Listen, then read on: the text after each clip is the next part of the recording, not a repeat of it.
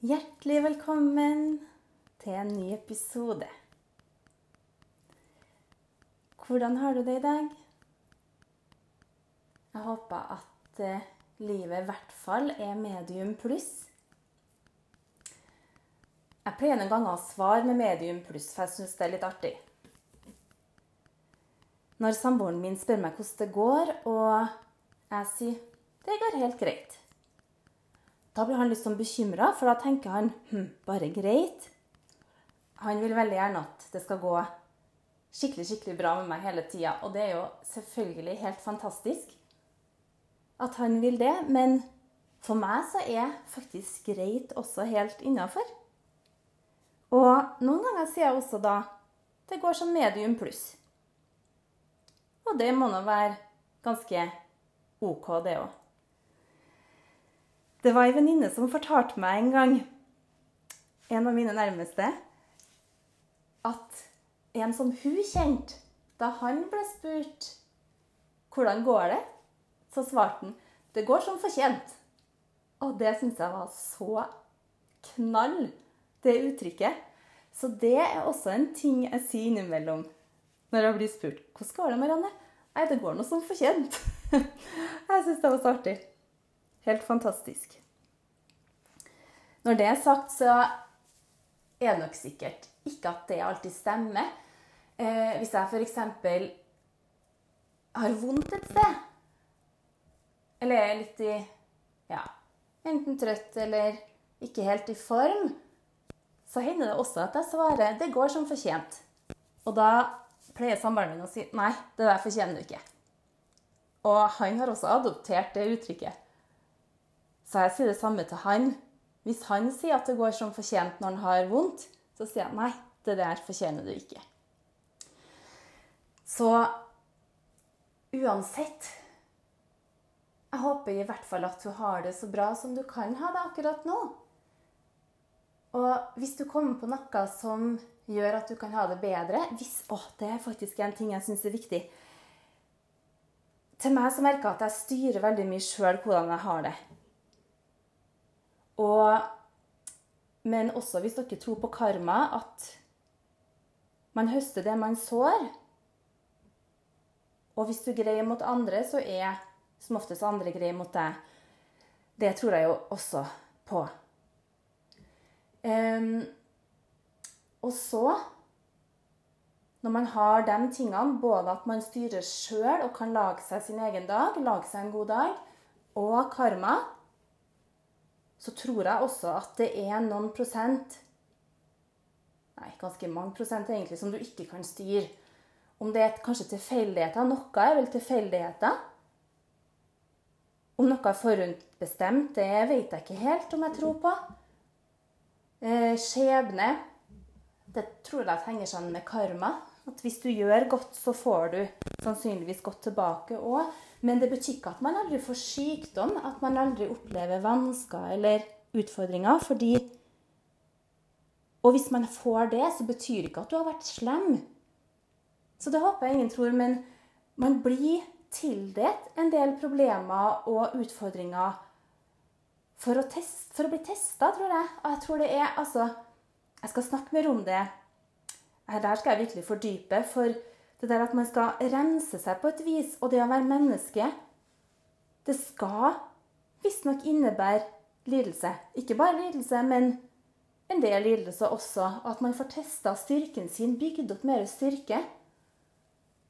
Og det at man, når man kommer seg ut på den andre siden etter en vanskelig periode For dere som kjenner dere igjen i det, det å ha klart å stå i noe veldig vondt, kanskje over en stund Når man kommer ut på den andre sida, har du da tenkt åh, søren at jeg måtte oppleve det her? Eller har du noen ganger tenkt jeg er takknemlig for at jeg har opplevd det her, for det har lært meg noe. Og når man først får kjent hvordan det er å ha det vondt, så vil man også sette mer pris på det gode. Det er i hvert fall min erfaring.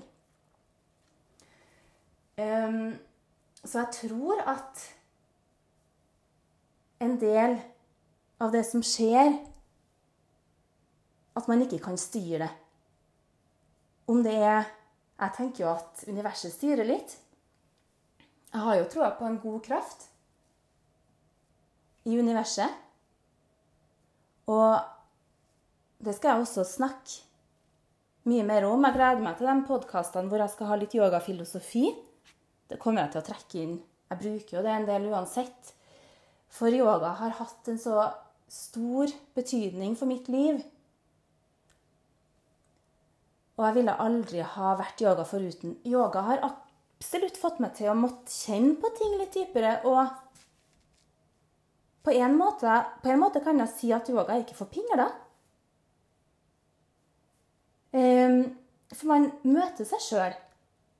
Og du blir på en måte tvunget til å kjenne på ting. For yoga handler mye om å ro ned, stoppe opp litt.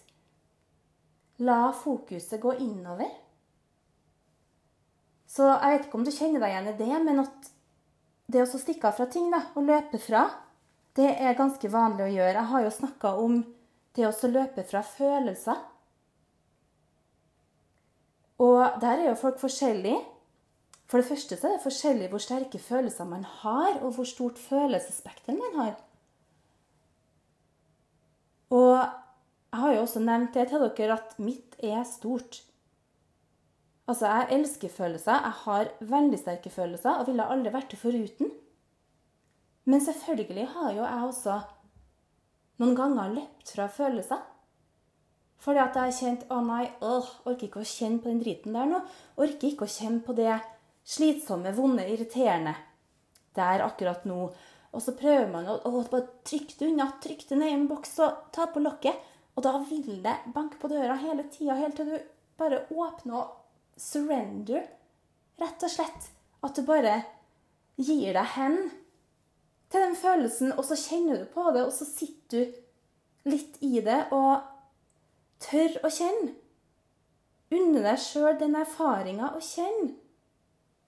Og så, forhåpentligvis, så kjenner du også at det går jo bra. Og jeg har erfart at det å løpe fra følelser, det er så slitsomt å holde på å gjøre det hele dagen. Men bare det å åpne, tørre å kjenne, det er, det er ikke så slitsomt, syns jeg. Og for meg så har det hatt en helt magisk betydning. Og ikke bare at du jobber med de følelsene som er akkurat nå, men jeg opplever at det har en mye dypere virkning også. At det faktisk helbreder litt av følelser som har vært før.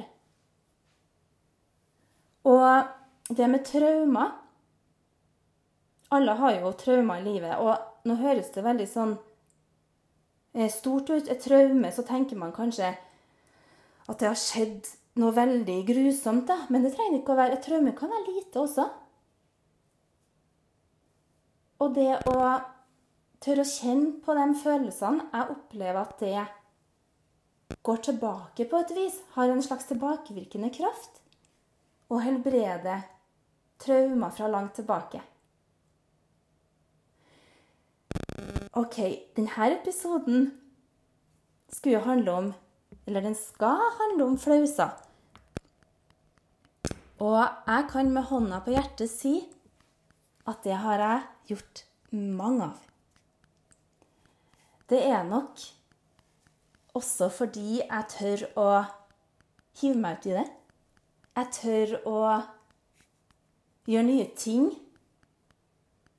Og jeg er ganske åpen. Jeg er privat. Jeg verner om privatlivet mitt, men jeg er personlig. Så i sted så tenkte jeg at ok, nå skal jeg for en gangs skyld prøve å skrive ned litt før jeg lager episoden. For jeg tenkte at hva om jeg ikke husker på noen flauser? så tenkte jeg da først Jeg har i hvert fall en tre, fire, fem, sju, åtte stykker som jeg kan huske på kjapt. Og så begynte jeg å skrive. Og gjett hva jeg endte opp på. 27 flauser i løpet av fire minutter klarte jeg å skrive ned. Så tenker jeg Er det mulig? Da er det jo garantert mye mer der det kommer fra. Og dem som kjenner meg godt, vet jo om mange av de her flausene som jeg har tenkt å dele. Og har sikkert også vært skikkelig flau på mine vegne noen ganger. Å, Gud. OK. Så den første type flause jeg skal snakke om, det er klemming. For jeg er en klemmer. Jeg gir veldig gjerne en god klem. Og det kan jeg også gjøre til folk som jeg ikke kjenner så veldig godt. Jeg har til og med også klemt ei som jeg ikke kjente så godt på det tidspunktet, men bare møtte henne én gang. Og så sto vi og så på en fotballkamp med barna våre sammen. Og vi ble så ivrige, hvor vi hoppa og klappa, og på slutten av kampen så bare kasta vi oss rundt halsen på hverandre. Heldigvis var hun en klemmer. Men vi ble gode venner etterpå. Så jeg har også Altså, det er en historie. Jeg studerte jo et par år med juss. Og så var jeg og ei venninne og gikk tur i byen. Og så plutselig møter vi et par stykker, da. Og så så jo jeg at jeg kjente han ene der. Og så sånn spontant da, så bare ga jeg han en klem. 'Hei, hvordan går det?' og sånn. Og så kom jeg jo på etterpå Oi, han er jo en av foreleserne på jussen. Herregud. Og han ble jo litt sånn perpleks, da, men han tok jo gjerne imot den klemmen, han. Og etterpå så ble jeg bare litt sånn OK, det her er ikke vanlig. Det er ikke vanlig å klemme foreleseren din bare sånn tilfeldig. Nei, gud a meg. Men han hadde visstnok fått et godt inntrykk av meg, da, for jeg har hørt gjennom en annen at han hadde vært veldig interessert i å spørre om meg. Og si at 'Å, Marianne er noe så fantastisk', og ja da. Så at han hadde tydeligvis tålt den klemmen, da, men jeg ble litt flau etterpå. Det må jeg innrømme. Den aller flaueste klemmeepisoden Altså, det er sånn at jeg kjenner at jeg blir nesten litt flau nå når jeg snakker om det. Men det var Jeg var på besøk hos ei venninne her i Trondheim. Det er ganske mange år siden, altså. Jeg var sikkert i tja, midten eller mot slutten av 20-årene, kanskje. Og så er jeg hjemme hos hun. Og så vet jeg at hun Nei, hvordan var det? Ja, jeg var hjemme hos hun, og så kommer det plutselig ei anna jente inn der.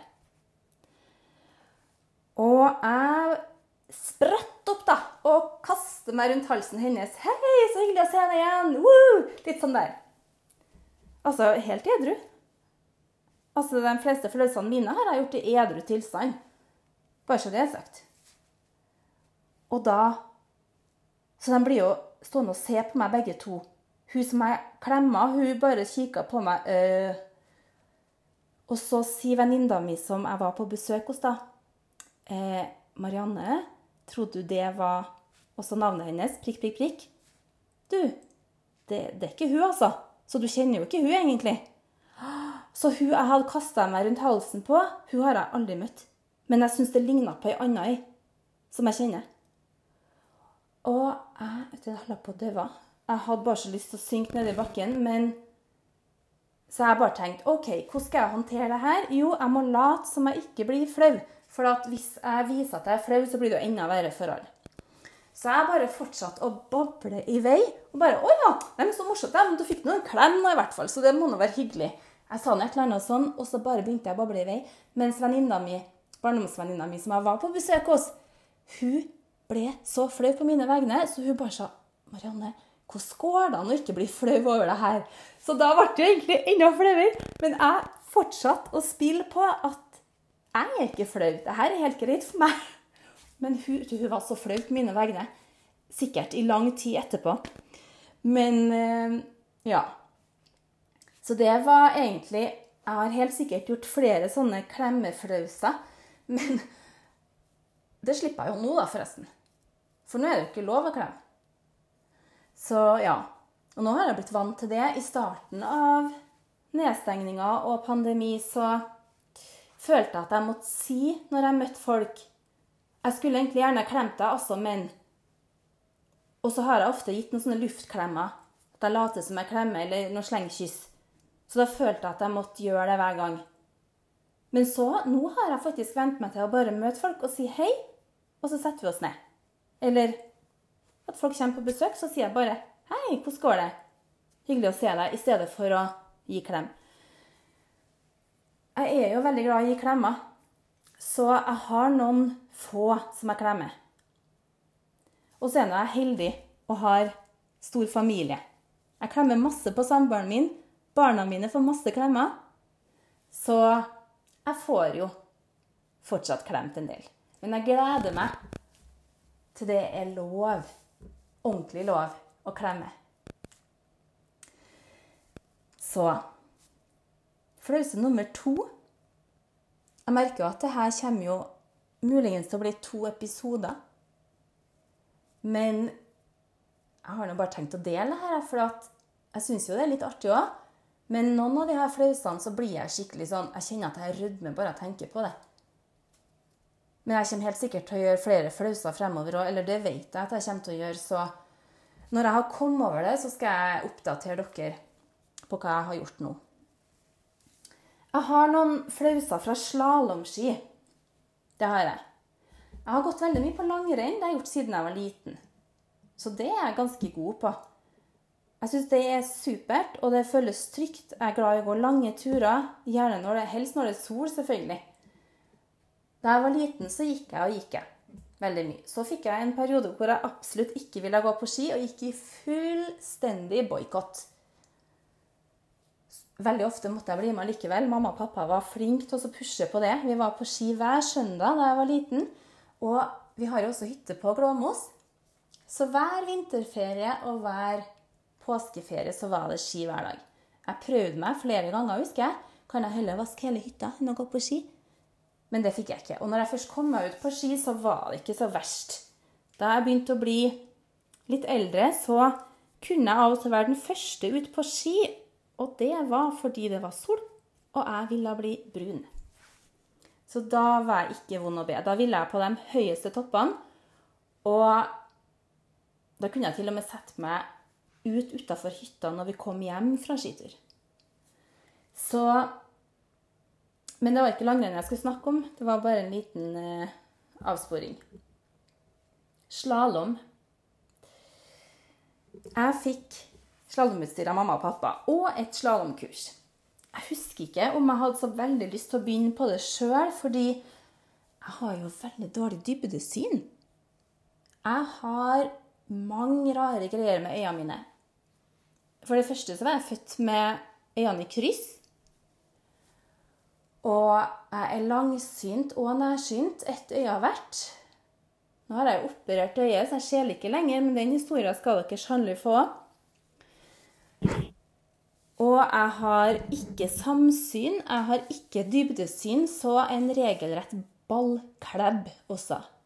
Dere aner ikke hvor mange håndballer jeg har fått i trynet i løpet av skoletida. Og jeg bare kjenner jeg får vondt i nesa nå bare jeg tenker på det. Fordi For meg så er det vanskelig å bedømme når den ballen kommer. da.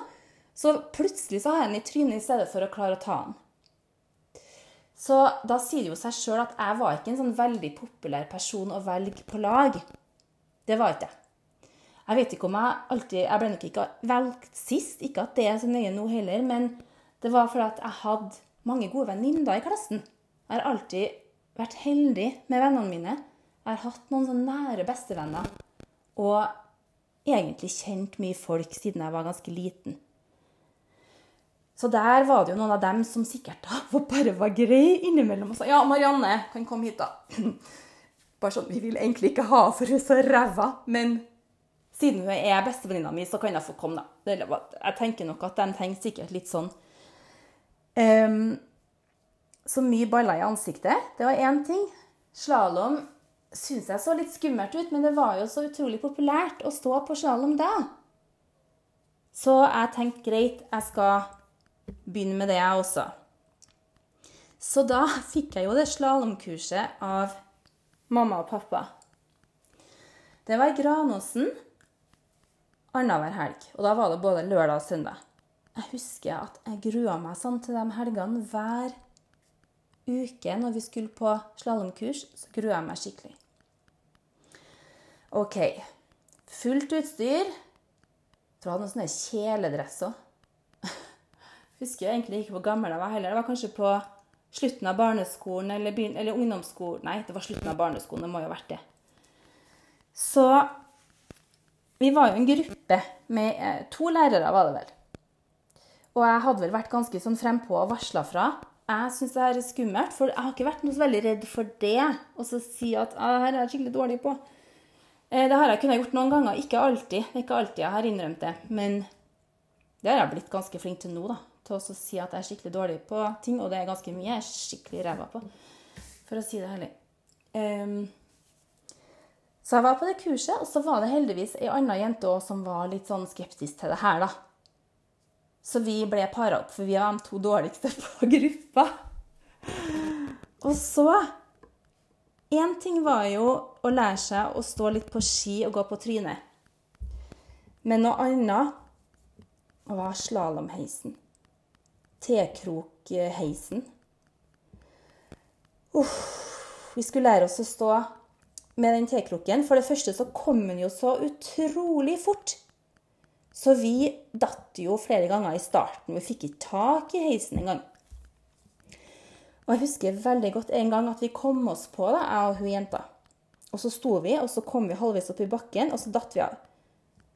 Ikke at vi slapp taket, nei. Vi hang etter heisen, vi. I sikkert sånn 50 meter så hang vi slepende etter heisen og mista eh, ski. Vi mista sikkert staver. Og så fant vi ut nei, jeg tror kanskje vi slipper det her nå. For det her var ikke akkurat noe sjakktrekk å henge etter heisen. Så det gjorde vi. Vi slapp, og så gikk vi ned igjen. Så jeg har noen flere slalåmhistorier. Og jeg har flere flauser som blir i neste episode av Flausa. ha en herlig dag. Ikke vær redd for å dumme dere ut. Det gjør livet bare litt mer magisk. Ha det bra!